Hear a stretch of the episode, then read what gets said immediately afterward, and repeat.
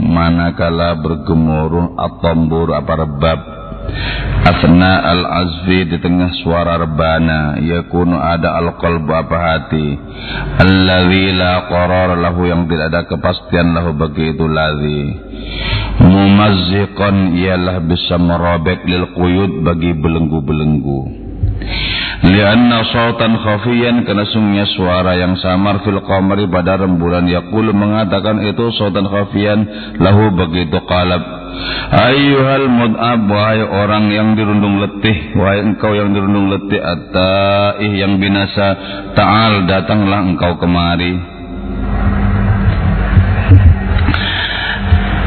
Membaca kitab rubayatnya Rumi itu sebenarnya kita diajak untuk merasakan cinta kepada Allah. Tidak saja rubaiyatnya Rumi ini, tapi saya kira semua karya Rumi mengajak para pembacanya untuk jatuh cinta kepada Allah Ta'ala. Karena itu, idiom yang dipakai itu adalah musik, rebana, rebab, tarian, seruling gitu yang dipakai. Nah, idiom-idiom seperti itu, istilah-istilah seperti itu, itu konotasinya kepada kecintaan, kepada kegandrungan. Dalam bait ini misalnya beliau menyatakan manakala rebab itu bergemuruh di tengah suara rebana maka hati yang sama sekali tidak memiliki kepastian, hati yang paling lemah Hati yang tidak memiliki pijakan sekalipun kemudian menjadi kuat dan bisa merobek belenggu demi belenggu. Apa pun yang selain Allah Ta'ala itu adalah belenggu bagi hati. Terutama ketika hati itu tertarik kepada selain Allah. Maka segala sesuatu yang telah menjadikan hati tertarik yang selain Allah Ta'ala itu semuanya belenggu. Tapi ketika hati yang sangat lemah seperti itu berada di tengah musik surgawi, berada di tengah musik rohani. Hati paling lemah sekalipun akan bangkit dengan penuh kekuatan dan merobek belenggu-belenggu yang selama ini sudah membuatnya tidak berdaya.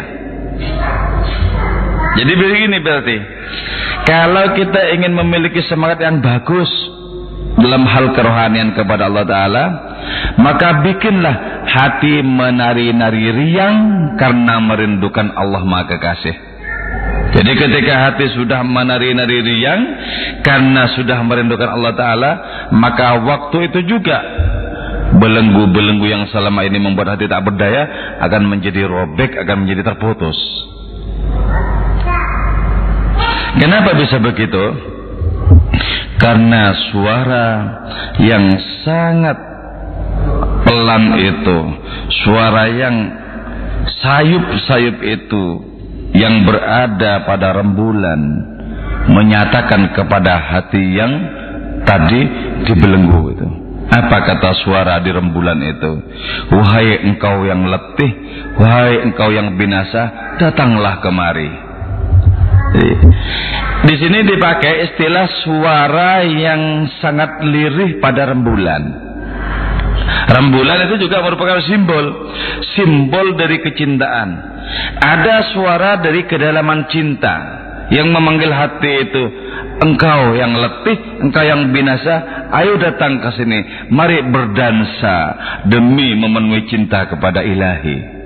Jadi, ketika hati sudah mendengarkan seruan yang seperti itu, maka dia akan beribu-ribu kali lipat memiliki energi dan seketika itu juga akan memutus seluruh belenggu-belenggu yang selama ini mengikatnya.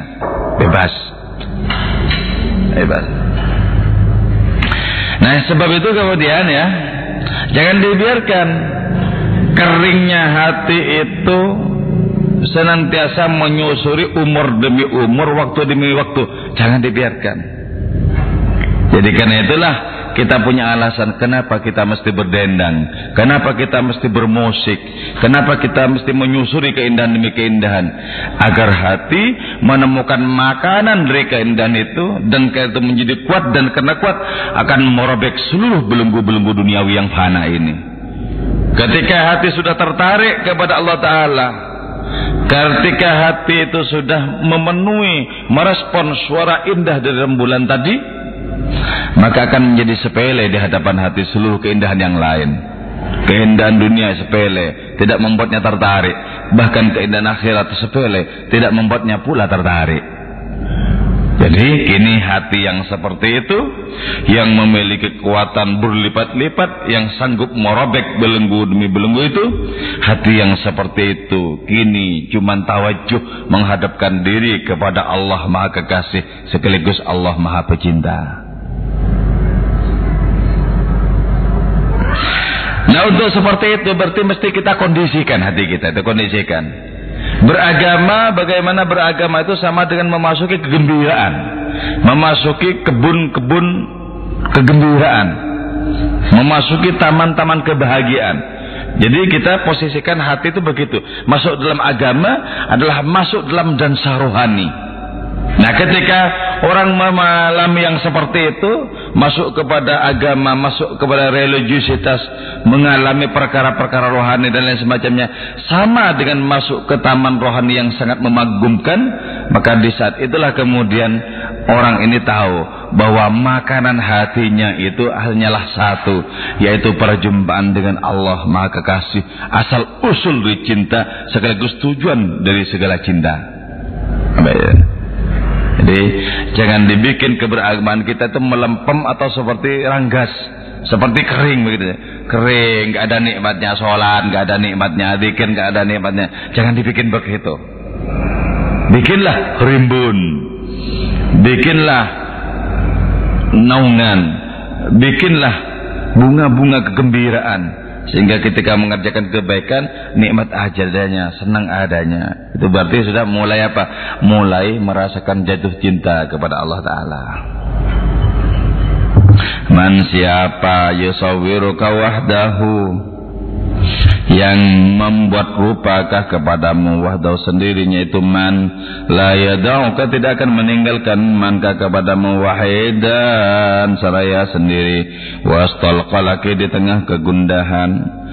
Allah yang tidak dibantu oleh siapa pun ketika menciptakan rupamu merupakan menciptakan rupa kita. Allah sendiri ya. Wallazi yusawwirukum fil arham kaifa yasha' Allah lah yang telah menciptakan rupa kalian dan tidak dibantu oleh siapa pun, tidak oleh bapak, tidak oleh ibu.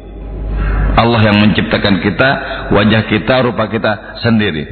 Nah, Allah yang sendiri yang tidak dibantu oleh siapa pun ketika menciptakan rupa kita, tak mungkin akan meninggalkan kita di tengah kegundahan hidup kita. Tak mungkin. Jadi ini kenapa Nabi melarang ketika orang bertengkar sekalipun jangan tidak boleh. Memukul wajah itu nggak boleh. Kenapa? Karena itu Allah sendiri yang melukisnya, yang menciptakan rupa itu tanpa direcoki oleh siapa pun.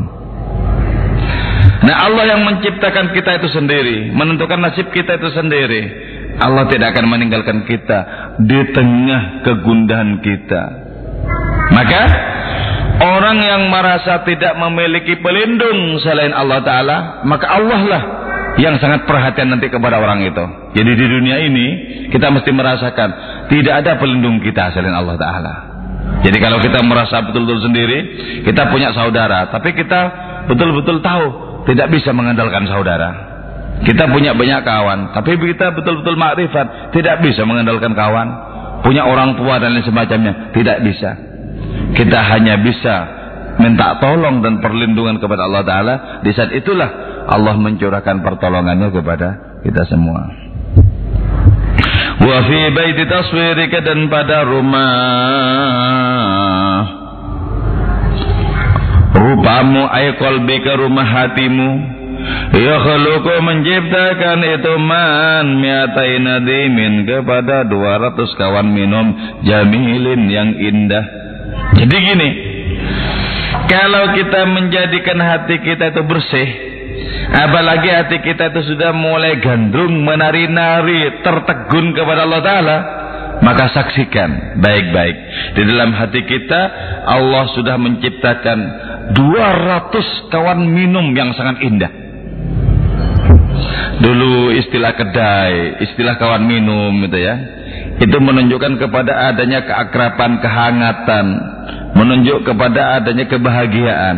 Nah, di dalam hati kita itu disediakan sebenarnya 200 kawan minum yang sangat indah. Andai hati kita sudah mulai jatuh hati, jatuh cinta kepada Allah Ta'ala. Ada. Jadi karena itu, orang yang sudah jatuh hati kepada Allah Ta'ala tidak mungkin kesepian hidupnya nggak mungkin. Di dalam hatinya ada 200 kawan minum yang siap untuk bercanda tawa menemani orang ini.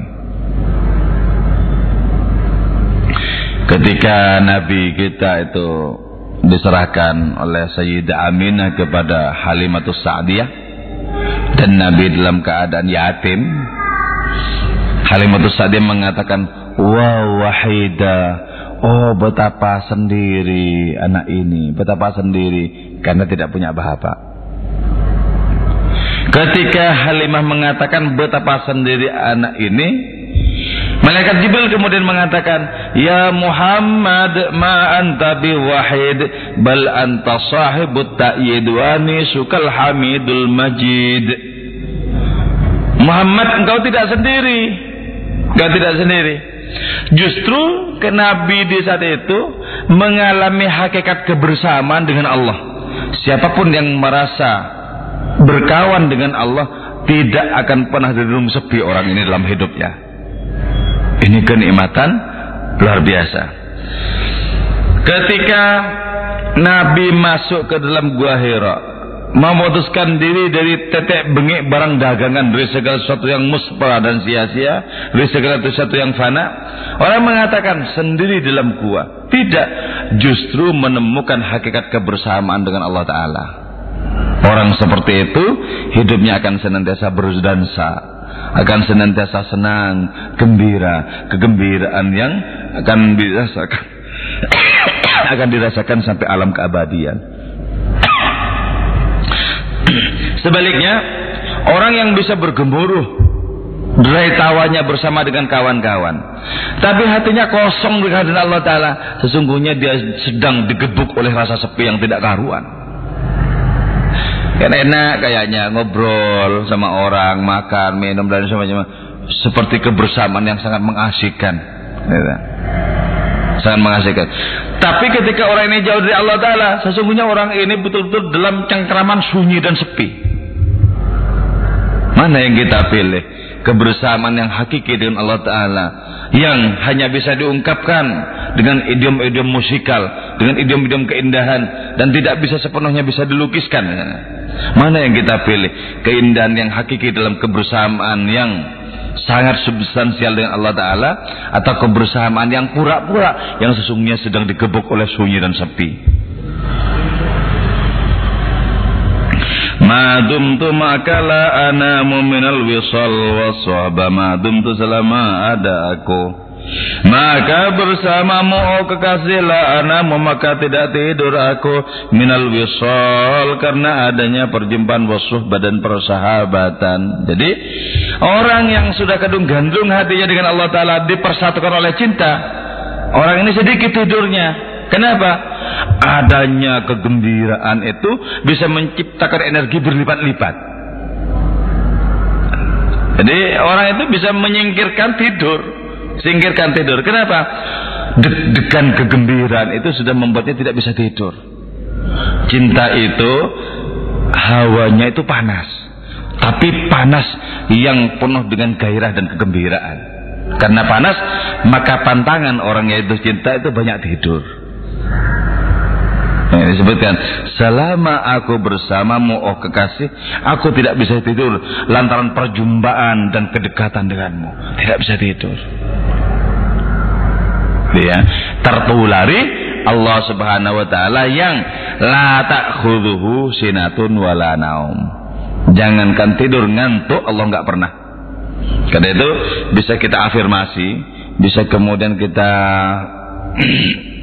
akui kebenarannya di dalam manakibnya Habib Abdurrahman Asgaf itu disebutkan bahwa beliau selama 33 tahun itu tidak tidur baik siang maupun malam. Nah, kecintaannya yang sangat ngelangut, yang sangat menggebu-gebu itu mengusir segala bentuk macam tidur. Tidur mata kepala tidak, tidur hati apalagi tidak. Hilang. Jadi kalau sedang berjumpa karena itu ya dipertanyakan cinta seseorang ketika bersama dengan kekasihnya kok banyak tidur. Eh, Masa mantan anyar tidur? Enggak. Haram nggak boleh. Nggak boleh tidur. Mantan anyar kok tidur? Nggak boleh.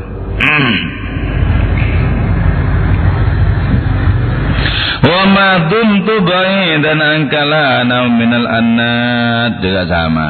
Wa ma dumtu dan selama ada aku ba'idan ialah jauh angka dari dirimu.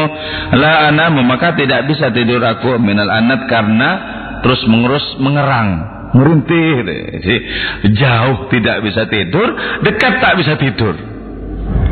Nah itu berarti apa? Stempel kecintaannya itu sudah sangat membekas dalam batinnya dalam hatinya nah, kita belajar. Belajar jatuh cinta kepada Allah Ta'ala agar semakin berkurang kelalaian kita agar semakin berkurang pula tidur kita. Para pecinta senantiasa kambuh cintanya ketika malam semakin larut. Makin kambuh. Hingga malam semakin larut. Eh, nyanyiannya siapa ya mataku tak pernah jua. Mengukur jalan yang kita tempuh. Sekedar menghapus rasa gelisah. Ku akui kesalahanku. Yang selalu ingin memiliki Namun kau pun tak pernah terbuka Untuk menghalau segala prasangka. Setinggi apa Kita mampu mendaki Rasa cinta kasih Dan ketulusan. Namun bila hati jadi terpisah Beri kepastian agar ku lebur semua Itu nyanyian-nyanyian masa silam entah siapa nggak tahu ya Ketika saya menggelandang di teter SK Itu sering kali dinyanyikan oleh anak-anak Sampai akhirnya bisa hafal Jadi mata nggak bisa terpejam Kenapa? Ah, ini bara cinta ini, bara cinta. Ketika dekat dengan Allah Ta'ala, senantiasa tertegun kepada kemahannya yang terus senantiasa baru. Jadi Allah Ta'ala itu memberikan kepada para pencintanya pengalaman yang terus baru. Jadi Allah Ta'ala itu nggak pernah kelisa, nggak pernah mengulangi. Dari saking kemahan Allah Ta'ala yang tidak ada batasnya. Karena itu, tidak ada seorang pun pecinta Allah yang merasa bosan. Misalnya bosan, begini-begini aja enggak ada. Enggak ada. Seorang yang sudah jatuh cinta kepada Allah Ta'ala akan semakin haus, semakin dahaga. Terus semakin dahaga secara rohani. Dan semakin tergila-gila kepada hadiratnya. Karena Allah Ta'ala itu akan senantiasa memberikan kepada pecinta-pecintanya hidangan-hidangan yang senantiasa berubah dan menggairahkan. Terus begitu. Tidak ada pengulangan. Subhanallah, subhanallah, subhanallah. Jadi ketika jauh hati tak bisa tidur, ketika berdekat-dekatan juga tak bisa tidur. Bayangkan kalau kita bisa seperti itu dengan Allah Subhanahu wa taala. Oh, betapa kenikmatan. Seluruh kenikmatan dunia minggir kalau orang sudah begitu. Oh, minggir ya. Aku enggak tertarik, percuma. Segala yang kau tawarkan basi semata di mataku ini. Enggak tertarik aku. Jadi orang yang mesti tertarik dengan segala sesuatu yang fana berarti belum pernah mengalami jatuh cinta kepada Allah Taala. Makanya tertariknya kepada segala sesuatu yang fana. Tapi sekali orang sudah merasakan nikmat cinta ilahiyat itu, maka dengan sendirinya dia akan memandang kenikmatan yang lain itu hambar, sepele. Itu hambar, itu sepele. Aku tidak tertarik. Tidak tertarik.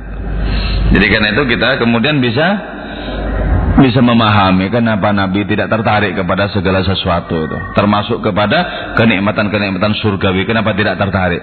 Karena sudah mendapatkan yang paling agung yang berupa kenikmatan yang tak lain adalah Allah Subhanahu wa taala. Subhanallah ma suci aku nah sungguhnya aku ashu Allah sadar aku kullalailata ini setiap dua malam jadi. Setiap dua malam sadar. Nah terus selain waktu sadar itu apa? Ya mabuk. Mabuk. Jadi sadarnya itu dua malam sekali. Jadi setiap dapat dua malam mabuknya sadar sebentar mabuk lagi. Sadar sebentar mabuk lagi.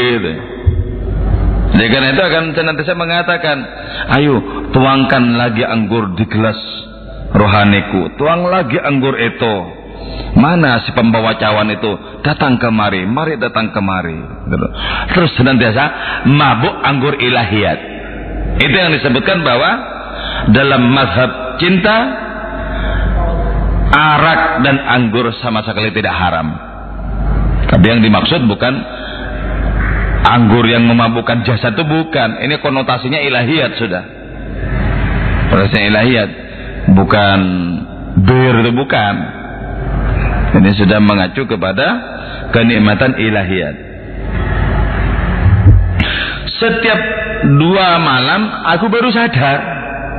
Jadi kalau orang itu sudah mengalami mabuk ilahiyat gitu ya Betapa kesenangan yang tidak bisa diungkapkan dengan kata-kata. Kenikmatan mabuk ilahiyat itu. Sedang adanya teman dendang, puisi, dendang, puisi, tarian, nyanyian, lagu-lagu, nikmat terus begitu. Orang yang seperti itu bisakah memiliki masalah, memiliki kegundahan oleh perkara-perkara kehidupan dunia ini? Tidak mungkin. Dunia ini dengan seluruh problemnya terlalu kecil untuk bisa membuat orang ini punya masalah. Makanya ya, kalau yang imitasinya, tiruannya itu kan orang punya masalah, terus minum oplosan maksudnya itu ya. Itu kan, itu imitasinya maksudnya biar terhindar dari masalahnya kan gitu toh. Kalau pengen mabuk, mabuklah dengan anggur yang tidak sama dengan anggur mana pun. Mabuklah dengan anggur ilahi. Kalau pengen mabuk, mabuklah dengan cara yang terhormat. Kalau pengen mabuk, mabuklah dengan anggur yang paling mahal yang tidak bisa dibeli oleh dunia ini dan akhirat nanti. Jadi kalau pengen mabuk menyelesaikan masalah itu begitu. Mabuklah kepada Allah Subhanahu wa taala, maka segala persoalan Allah yang mengatasi dan menyelesaikannya. Karena itu kalau kita berpihak kepada Allah Ta'ala Allah berpihak kepada kita Dan kalau Allah Ta'ala berpihak kepada kita Allah yang menyelesaikan masalah-masalah kita Selesai Fanzur maka renungilah engkau ilal ikhtilaf kepada berbagai macam perbedaan. Baina anwa'is sahri di antara macam-macamnya begadang. Ya. Jadi kalau begadang yang murahan ya begadang yang nonton bola murahan. Main kartu begadang juga murahan. Penting juga untuk melatih yang yang mahal kalau begadang yang punya gengsi, punya martabat, begadang karena jatuh cinta kepada Allah Ta'ala. Kemudian muncul puisi-puisi kecintaan, muncul ungkapan-ungkapan kerinduan kepada Allah Subhanahu wa taala. Asik kalau ada masuk dalam kategori begadang yang kelasnya kelas tinggi ini. يا دولاب الفلك من مكرك وسوء صنيك فزت بألعاب على نضع قلبي تراني يوما على مائدة الفلك أصنع هالات مثل القمر يا دولاب الفلك وهاي رماري planet memakrika lantaran tipu dayamu wasu'isanika dan buruknya perbuatanmu fuzta al abin ala naf'i qalbi. Fuzta beruntung ke al abin dengan berbagai macam permainan ala naf'i qalbi atas permadani hatiku. Taro melihat kau ni kepadaku yaman pada suatu ali amadatil falaki berada pada meja makan planet asna menciptakan aku halatin terhadap pagar-pagar. Misal qamari sebagaimana rembulan Maksudnya apa? Nah, rotasi planet itu ya. Itu di dalam ilmu fisika itu kan mempengaruhi berbagai macam cuaca dan keadaan di bumi. Bumi. Termasuk juga itu ada pengaruhnya kepada kejiwaan kejiwaan manusia. Karena itu ya, kalau kita mempelajari mempelajari 12 apa itu? Sekretarius apa ya? Apa itu namanya? Hah? Bukan itu sebutan yang 12 itu apa? Zodiak ya, zodiak ya. Kalau kita mempelajari zodiak itu ya, itu kan wataknya yang ini apa? Wataknya ini apa? Wataknya kan ada. Itu kan sebenarnya pengaruh. Itu semuanya nama-nama matahari sebenarnya. Sebagai raja planet. Nama-nama matahari. Dalam bahasa Arabnya ada Zuhal, Atorid dan lain semacamnya dulu. Nah bahasa yang biasa kita kenal yaitu Sagittarius, Venus dan lain semacamnya itu, Mars. nah, wahai lemari planet, lantaran tipu dayamu dan buruknya perbuatanmu, engkau beruntung dengan permainan atas permadani hatiku. Jadi ada kalanya ketika hati ini betul-betul dipengaruhi oleh rotasi perbintangan oleh zodiak itu dipengaruhi itu maka orang yang hatinya merasa kacau disebabkan oleh adanya perputaran planet-planet itu orang ini merasakan bahwa makhluk-makhluk itu planet-planet itu berada dalam kegembiraan karena bermain-main di atas permadani hatinya jadi seperti hati ini sedang dipermainkan seperti sedang dipermainkan itu menunjukkan bahwa pada saat seperti itu hati berada pada posisi lemah.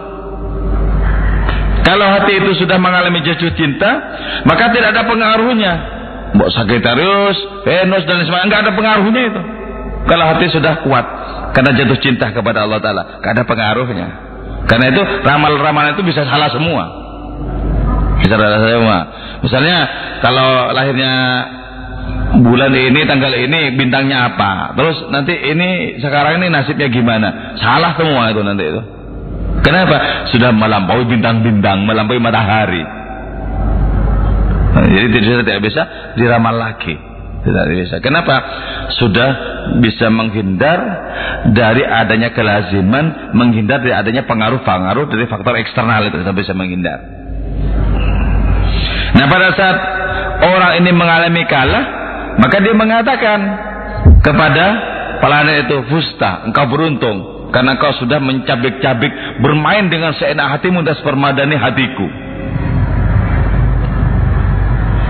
Kadang kau menyaksikan aku berada di meja makan. Aku menciptakan pagar sebagaimana rembulan. Jadi istilahnya bulan kalangan ya.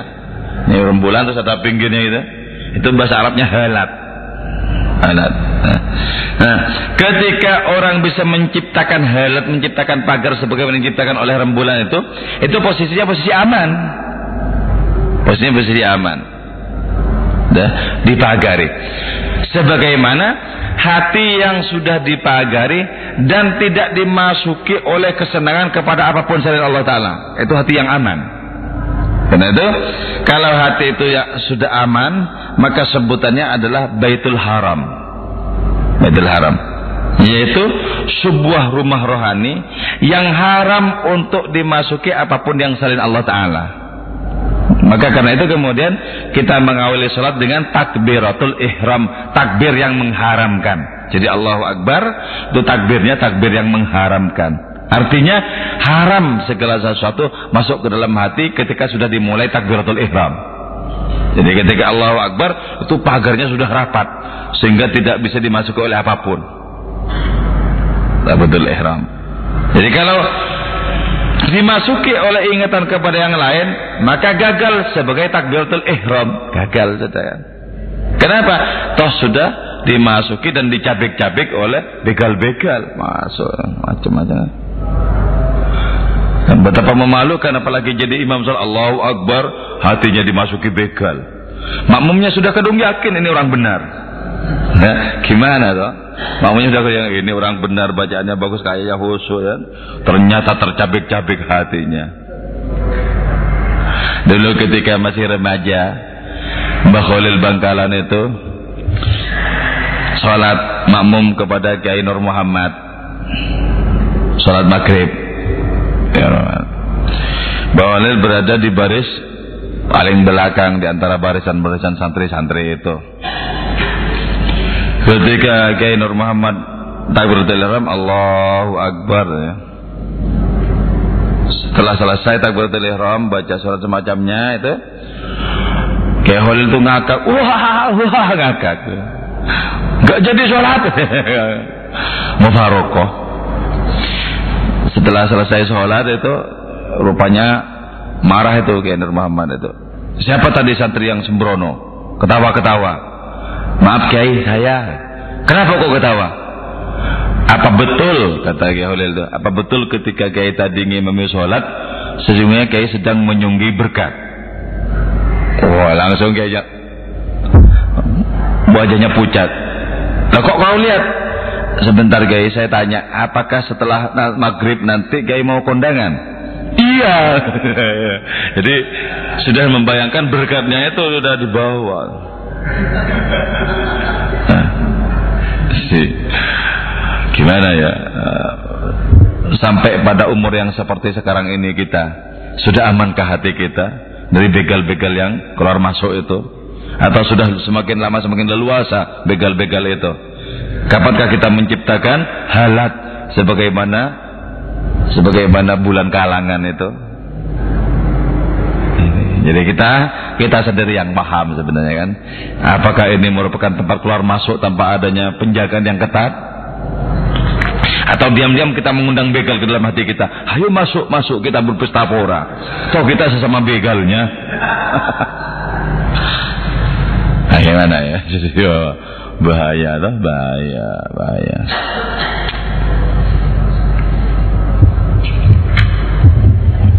Ini sudah satu dua tiga empat empat bait. Ayo yang mau ditanyakan, oh, silakan.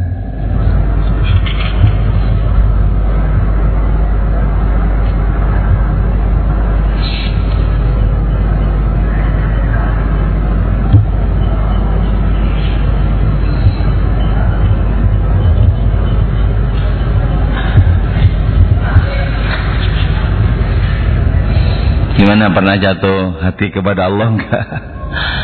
Apa lebih jatuh hati kepada rahmat-rahmatnya Allah? Rata-rata cocok kalau dengan karunia Allah cocok ya. Tapi dengan Allah belum tentu. Kalau karunianya datangkan kemari lagi, datangkan ke sini lagi. Ya. Takon itu ya. Takon tunggali gitu. Kalau dengan Allah belum tentu cocok. Dengan surga, bayang-bayang surga cocok, tapi dengan Allah belum tentu.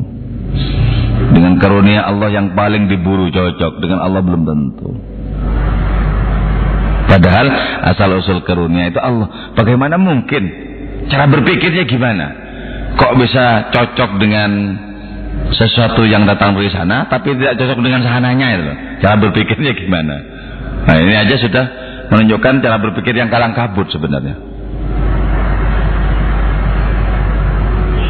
Padahal kadang Allah Ta'ala itu menciptakan karunia rasanya pahit. Rasanya pahit.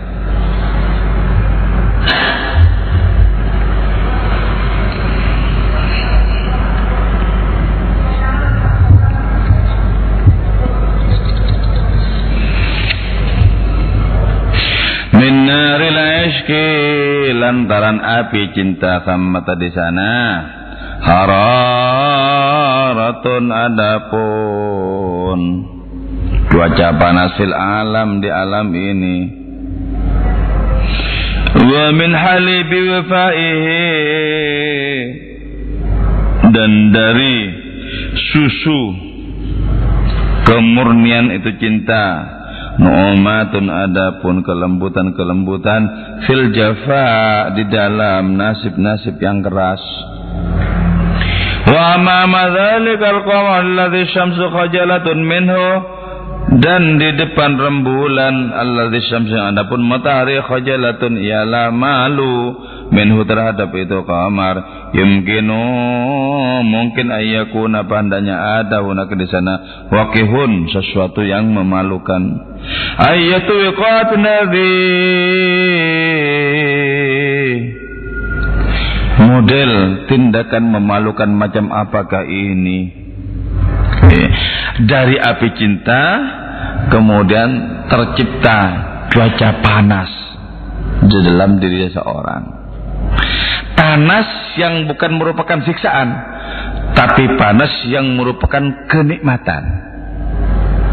Kalau Syekh Abdul Qadir Jilani dalam kitab Al-Fathur Rabbaninya itu menyebutkan ada binatang kecil namanya salamander. Itu justru mengalami senang dan girang ketika berada di tengah kobaran api. Kalau tidak di tengah kobaran api, murung dia.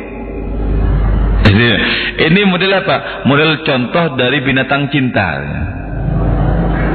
Jadi cinta itu semakin menggelegak sehingga si pecinta itu jarang sekali menikmati tidur dan karena jarang tidur kemudian pipinya pucat. Tapi pucatnya orang yang begadang karena cinta, pucatnya wajah orang itu bisa membuat malu matahari. Jadi kalah apa? Kalah benderang, kalah bersinar. Terus dari kemurnian susu cinta itu ada kelembutan di tengah nasib-nasib yang keras. Jadi orang mungkin ya nasibnya secara lahir itu keras, nasibnya tidak karuan, tidak seperti orang-orang yang banyak menerima rezeki dan rahmat Allah Taala. Hidupnya sepertinya keras, boleh jadi seperti itu. Tapi sesungguhnya Allah sedang memperlakukan selembut mungkin orang yang seperti itu. Sebab di tengah suasana yang seolah-olah merupakan siksaan bagi seorang pecinta, sungguh sebenarnya di situ bisa saja Allah Taala itu bersikap selembut mungkin kepada orang itu. Maka ketika Nabi Ibrahim mengenang, beliau mengatakan, tidak ada hari-hari paling mengasihkan, paling menyenangkan dibandingkan ketika 40 hari aku dibakar oleh api Namrud. Jadi ternyata yang bagi orang lain siksaan, bagi Nabi Ibrahim itu itu kenikmatan, kesenangan luar biasa. Karena itu sebenarnya kalau boleh ingin lagi dibakar sebenarnya beliau. Jadi nikmat ternyata. Nah karena itu kalau kita jatuh cinta kepada Allah Ta'ala Kemudian kita disodori Adanya penderitaan-penderitaan hidup Jangan ditolak Lahap saja penderitaan itu. Di dalamnya ada kenikmatan yang tidak bisa dirasakan oleh orang lain. Lahap saja. Nah, di sini kita paham kenapa Nabi minta miskin gitu ya. Miskin karena penderitaan. Tapi kenapa diminta oleh Nabi? Nabi mengalami betul di balik segala penderitaan itu ada kenikmatan yang tidak bisa diungkapkan dengan kata-kata, yang bahkan tidak bisa dibayangkan oleh orang lain yang tidak mengalami. Nabi mohon miskin. Miskin adalah penderitaan. Tapi sungguh dalam penderitaan yang disebabkan oleh jatuh hati kepada Allah Ta'ala ada kenikmatan-kenikmatan yang tidak terukur, yang tidak terbatas. Maka karena itu tangisan Nabi itu bukan tangisan kepedihan. Para pembuat sejarah salah saya kira ketika menyebut tahun wafatnya Sayyidah Khadijah dan wafatnya siapa? Siapain? Hah? Abdul Muthalib apa Abu Talib? ya ini nggak jelas makanya Abu Talib ya itu ke, salah disebut amal husni ya. Tahun duka cita katanya. Nah, siapa yang berduka coba? Nabi nggak pernah berduka karena itu kok. Nabi nggak berduka karena itu. Justru Nabi semakin depressing, semakin dihimpit oleh takdir ilahi yang seolah pahit itu, Nabi semakin merasakan kenikmatan yang tidak pernah dirasakan oleh orang lain. Nabi memang pernah melarang kalau kalian ditinggal mati oleh orang tercinta, sabda Nabi, Jangan terlalu meraung-raung menangis. Kalau bisa jangan menangis. Tapi ketika Nabi ditinggal mati oleh anaknya sendiri yaitu Sayyid Ibrahim dari istrinya Maritul Kiptia itu, Nabi menangis juga. Menangis juga. Tapi saya baca dalam kitab Uddatus Sabirin wa Dakhiratus Syakirin ya. Saya baca bahwa tangisan Nabi di situ justru merupakan tangisan haru karena Nabi merasakan kenikmatan di balik selubung penderitaan. Jadi tangisannya itu tangisan haru, bukan tangisan merasa kehilangan atau sedih bukan. Ya kan? Itu berarti apa? Orang semakin merasakan getirnya hidup lantaran cinta, orang sesungguhnya semakin merasakan kenikmatan yang semakin menjulang dan tinggi harganya. Karena itu Nabi mohon miskin. Demi apa? Mencapai kenikmatan yang hanya bisa diterima dalam keadaan miskin. Karena itu dalam hikam itu disebutkan ada karunia rohani yang tidak diberikan oleh Allah Ta'ala ketika orang sholat tidak diberikan ketika orang puasa bahkan tidak diberikan ketika orang haji tapi diberikan bersamaan dengan penderitaan. Nah, jadi itu orang yang sudah tahu ini pantangan mengelak ya. Ketika Allah Ta'ala mau menggiring kepada penderitaan langsung saja menari dengan riang. Inilah yang aku tunggu. Ya. karena itu hidup itu jangan pragmatik yang hanya oh, membayangkan kalau gini gini nanti serba berkecukupan indah senang udah eh, itu kan cara berpikir yang tidak profetik sebenarnya. Cara berpikir seperti itu. Ya, coba eh, ikuti cara-cara Nabi itu. Pasti kegembiraan yang maksimal nanti yang diperoleh.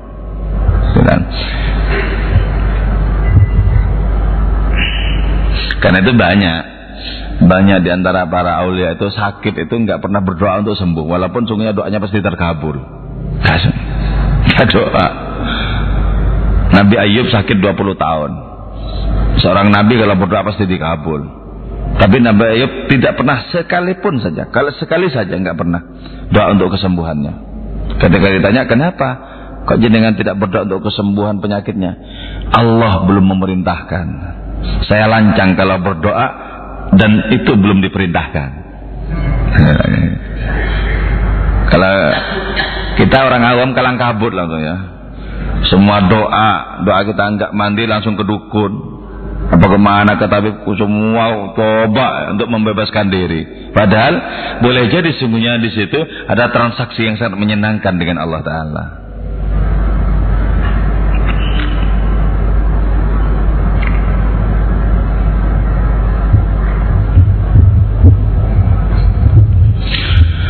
Di depan rembulan. Rembulan apa? Rembulan cinta. Jadi orang jatuh hati kepada Allah Ta'ala itu wajahnya sekemilau rembulan. Di hadapan rembulan, matahari menjadi malu karenanya. Jadi matahari yang terbit di siang hari itu, itu malu di hadapan seorang pecinta yang menengadahkan wajahnya kepada matahari itu. Malu mataharinya.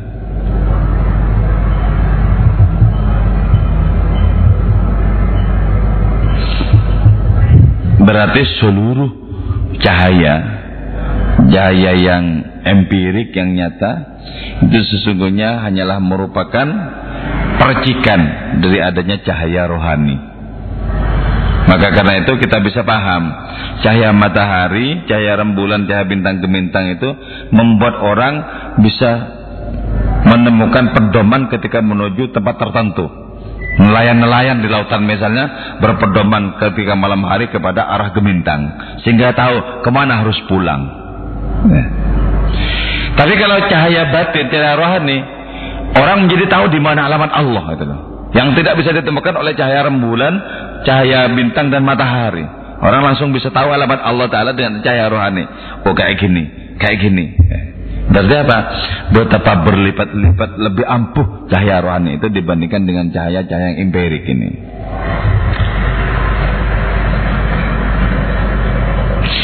Nah kalau ternyata matahari pun itu menjadi malu terhadap cahaya rohani seseorang, mungkinkah di sana terjadi sesuatu yang memalukan? Artinya apa?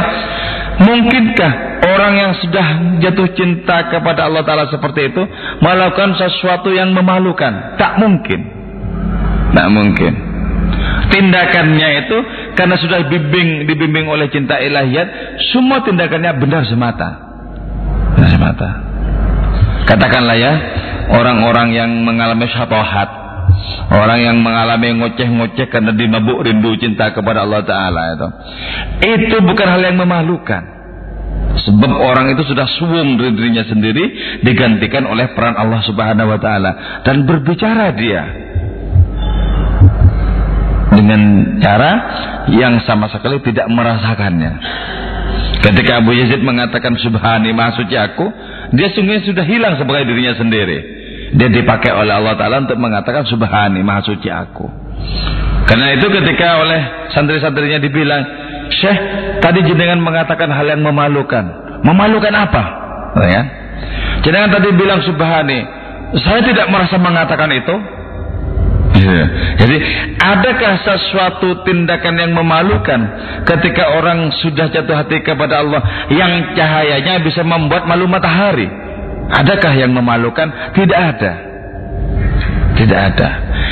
Kalau kelihatannya secara syar'i salah, itu sesungguhnya karena orang ini sudah ditarik dari dirinya sendiri, diperankan oleh Allah Ta'ala. Dan secara syar'i, orang itu kesalahan apa pun yang dilakukan, kalau sudah terbebaskan dari kesadaran dirinya sendiri, dia sungguhnya sudah tidak tercatat melakukan kesalahan.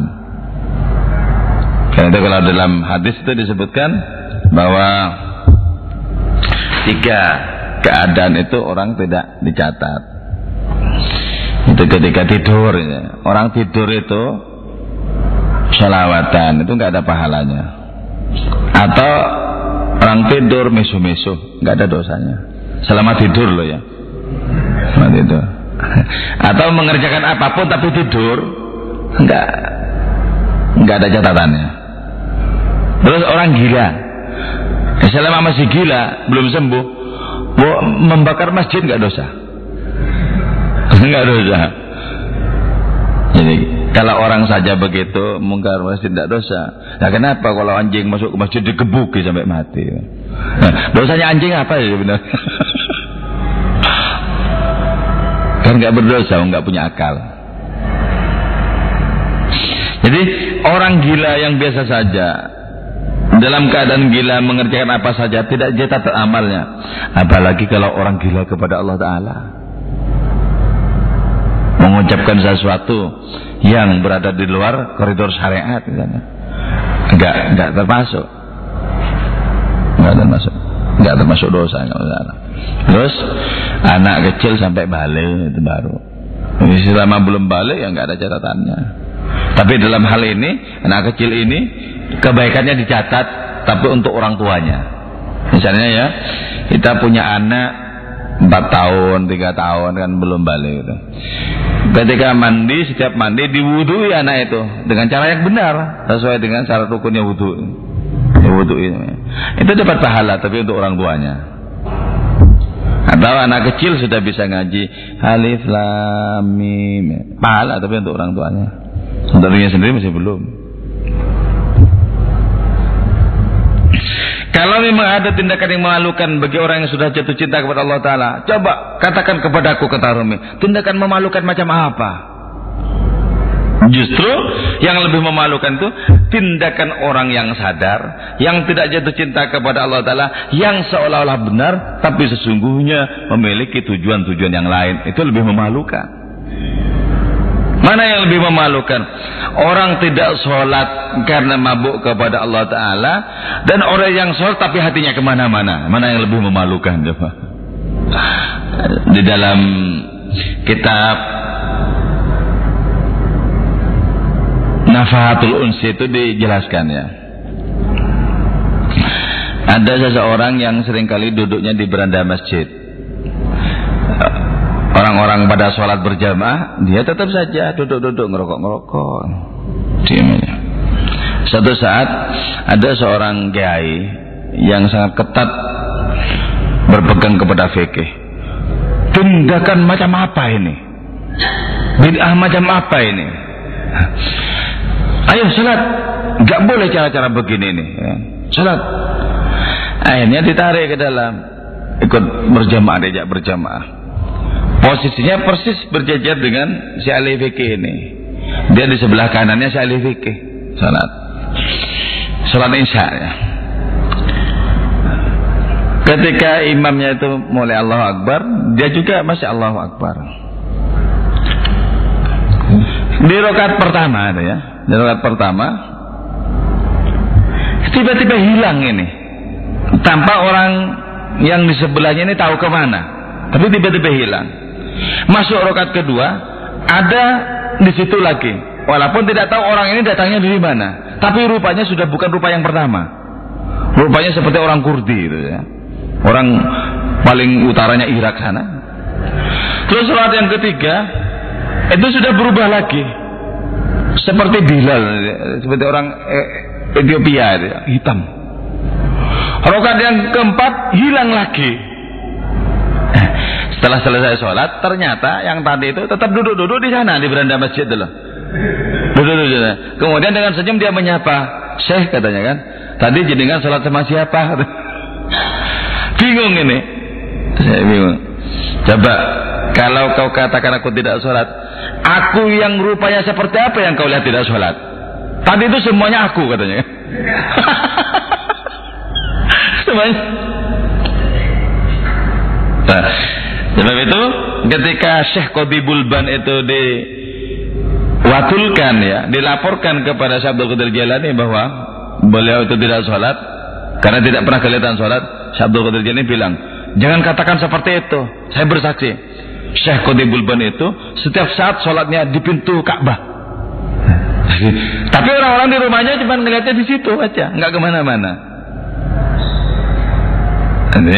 Kecintaannya kepada Allah Ta'ala sudah digantikan perannya oleh Allah Ta'ala sehingga apa yang tidak masuk akal menjadi kenyataan bagi orang seperti itu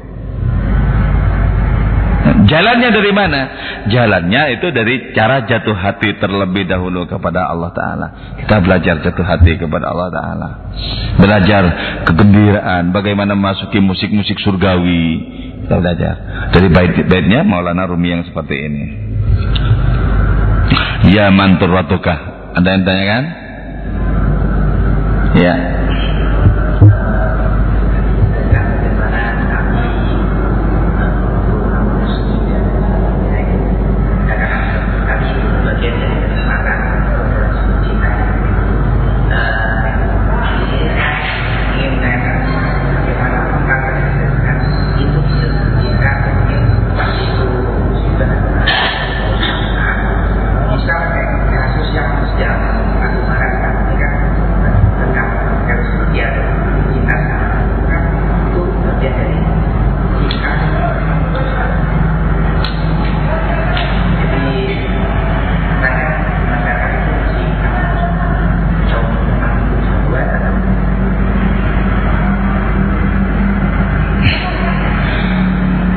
Perbedaannya sangat kentara sebenarnya. Syahwat apa cinta ya? Perbedaannya. Sesama jenis sebenarnya kawin gitu. Itu. Bagaimana di Hah? sufi itu sangat syar'i. Sangat syar'i. Jadi kayak gitu ya? Nggak ada. Gimana kok sesama jenis ya kan? Nggak waras tuh itu jadi kalaupun survei tadi ada yang seperti keluar dari syar'i itu karena mabuk gitu ya. Tapi mabuknya mabuk ilahiyat bukan mabuk syahwat. Gitu ya. Jadi ini sebenarnya tidak tidak mirip-mirip gitu ya. Jauh sebenarnya. Perbedaannya itu jauh. Ininya. LGBT maksudnya. nah, itu kan murahan ya sama mabuk sih mabuk cuman ada yang mabuk ilahi satunya satunya mabuk koplo beda walaupun sama mama mabuknya ada. kalau mabuk cinta ilahiyat itu orang mati yang mati apa nafsunya tapi kalau mabuk oplosan mati beneran itu jadi nggak ada hubungannya lah saya kira itu jadi kita itu Makanya penting istiqomah dan semacamnya. Kalau yang LGBT itu mana ada konsep istiqomah, konsep Rojak khuf kan nggak ada jadi. Jadi gimana ada lagi?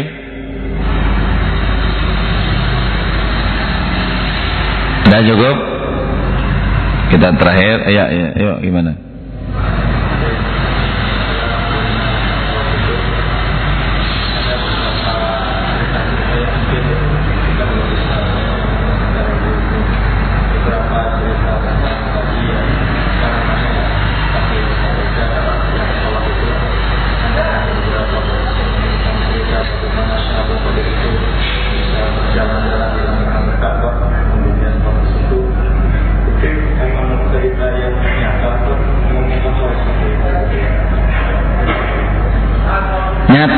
Nyata. Sama dengan misalnya Nabi Ibrahim itu dibakar nyata apa metafor itu? Nyata.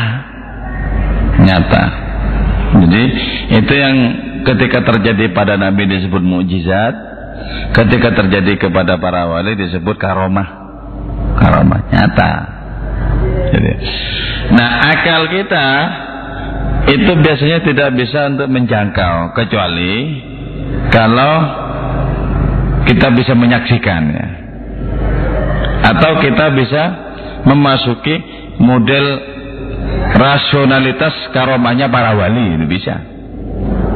Bisa. Jadi coba gini apa yang tidak bisa? Kalau Allah Ta'ala itu sudah menghendaki kan itu bisa. Kalau Allah Ta'ala menghendaki apa saja segala sesuatu yang mungkin bisa.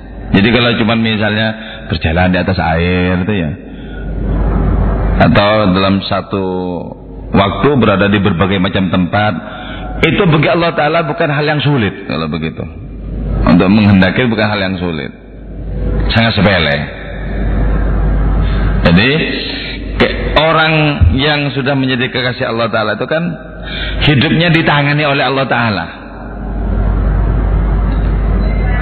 Orang disebut wali lian Allah Ta'ala tawalla amrohu karena Allah Ta'ala sudah menskenario Allah Ta'ala membimbing Allah Ta'ala memandu urusan orang itu. Ini disebut wali man tawallallah amrahu wa huwa yatawalla salihin bisa.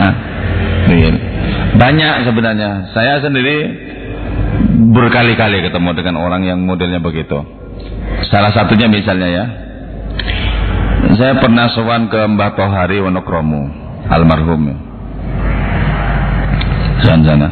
Saya sengaja di sana itu diam-diam saya berangkat dari rumah saja. Cuma dalam hati saja, dalam hati saya sudah ngirimi Fatihah. Berangkat. Sampai di sana saya tidak mengucap salam dengan lisan tapi dengan hati. Dalam hati saya, Assalamualaikum ya wali Allah. Dalam hati itu. Yang jelas tidak ada telinga siapa pun bisa mendengar.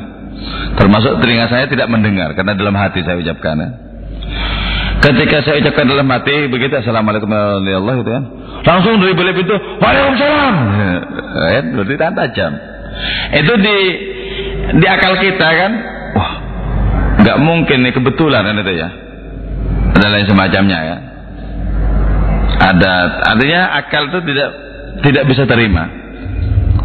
Nah kalau mengalami bisa tuh kemudian. Kenapa? Ketika dicoba berkali-kali tetap ada komunikasi antara lisan dengan hati. Itu berkaitan dengan ruang. Berkaitan dengan waktu. Pernah juga saya mengalami. Betapa sangat titis ramalan orang itu ya. Saya pernah sore-sore itu pernah sama Habib Dillah sampai sehari. Habib bilang sama saya, nanti Pak Gai nanti memimpin manakiban ya di tempatnya Bibusman ya. Oke sip tak gitu kan. Jadi saya minta diminta bikin pangan naib kan boleh. Terus dia tuh nelpon Bib Usman. Bib itu, bang, nanti ini loh ada kiai dari keraton katanya. Biar memimpin menakiban di tempatmu ya. Nanti ini bawa teman sebelas orang. Eh enggak enggak sepuluh katanya kan.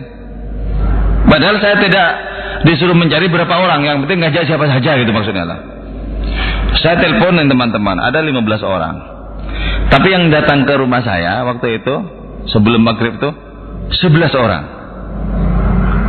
Terus berangkat yang sebelas orang ini naik motor. Naik motor.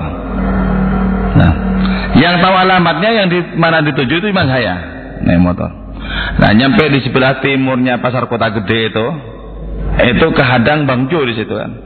Nah, si saya dan teman-teman itu karena motornya sehat, itu bisa. Artinya dari jauh itu hijau terus kejar. Nah ada namanya teman Pak Halim namanya Honda 70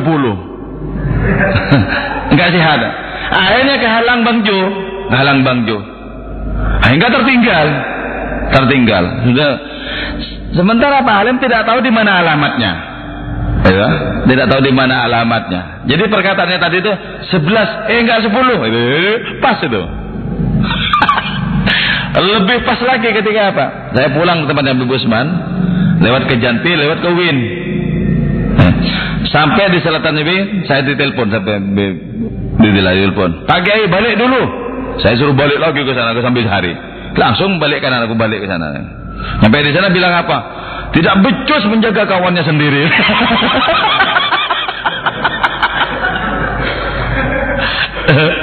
nah itu kan real sebenarnya, real lah. Tapi orang yang tidak mengalami atau tidak percaya cerita begitu kan, ah masa kan itu. Nyata, nyata benar itu. Sebab apa? Bagi Allah sangat mudah kok begitu sebenarnya. Jadi ukurannya dengan Allah bukan dengan keterbatasan makhluk-makhluk. Sangat mudah.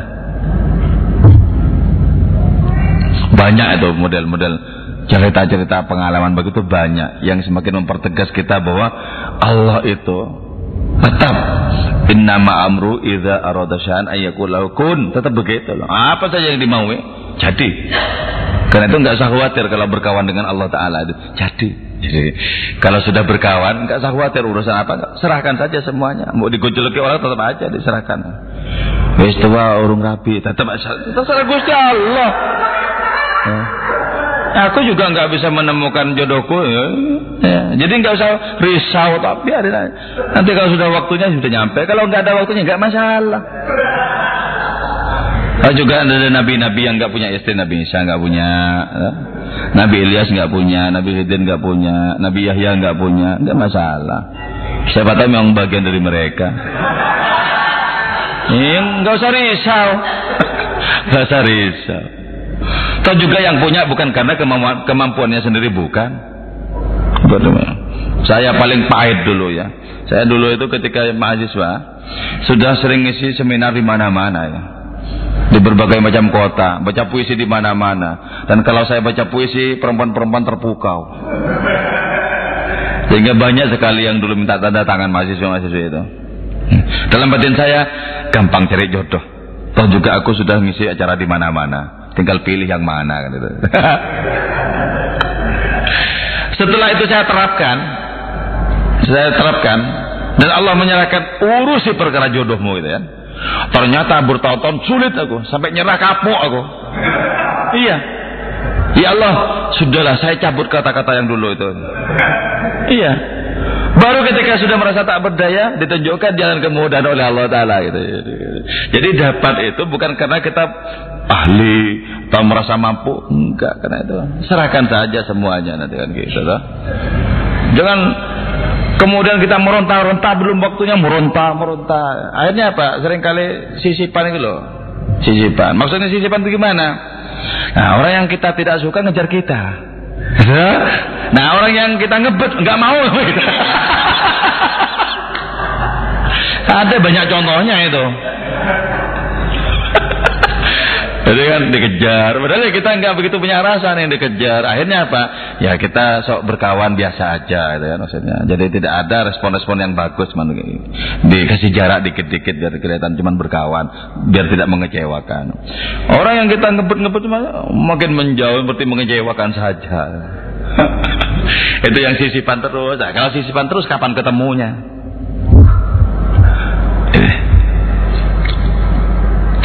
Ya, ya. Jadi perkara hal-hal yang di luar akal tuh itu sangat mungkin. Itu menunjukkan keterbatasan akal kita menunjukkan juga ketak terhinggaan Allah subhanahu wa ta'ala.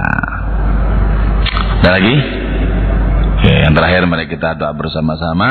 Kita meyakini Allah itu Maha Pemurah dan kita membutuhkan Allah Subhanahu wa taala. Kita yakin Allah akan memberikan yang terbaik bagi diri kita dan kita senantiasa membutuhkan Allah taala. Al-Fatihah. A'udzubillahi minasyaitonirrajim. Bismillahirrahmanirrahim. Alhamdulillahirabbil alamin arrahmanirrahim maliki yaumiddin. Iyyaka na'budu wa iyyaka nasta'in. Ihdinas siratal mustaqim. Shiratal ladzina an'amta 'alaihim ghairil maghdubi 'alaihim waladdallin. Amin. يا أرحم الراحمين يا أرحم الراحمين يا أرحم الراحمين. فرج على المسلمين وليس نرجو سواك. فادرك إلهي دراك قبل الفناء والهلاك يا عمد يا ودين يا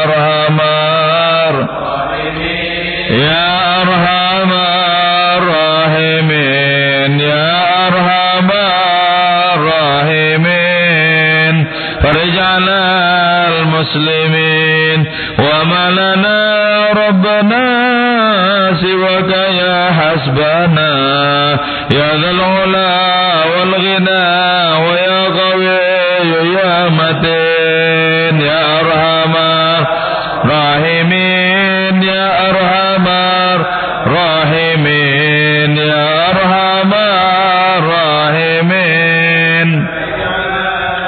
مسلمين ربنا شاكرين. مسلمین نو بعد من الامنین بزمرد سابقین.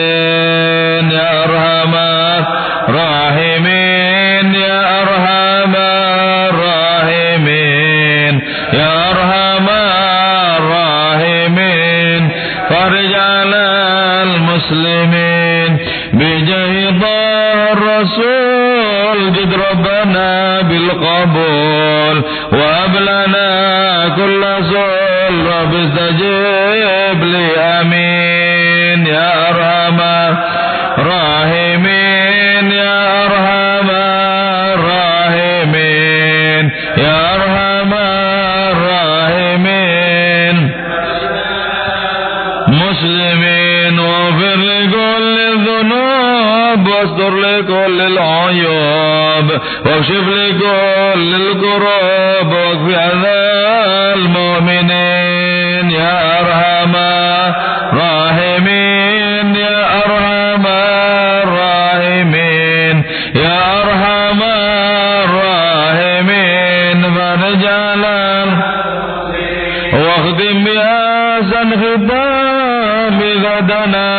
غدنا الانصرام وهنهين الهمام وزد راش الجبين يا أرحم الراحمين يا أرحم الراحمين. فرج على المسلمين ثم الصلاة والسلام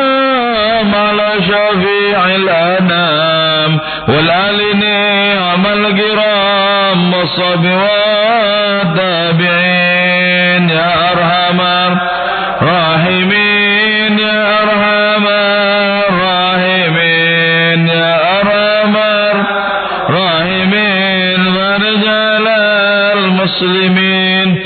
سبحان ربك رب العزة عما يصفون وسلام على المرسلين والحمد لله رب العالمين. ربنا تقبل منا بأسرار الفاتحة. أعوذ بالله من الشيطان الرجيم.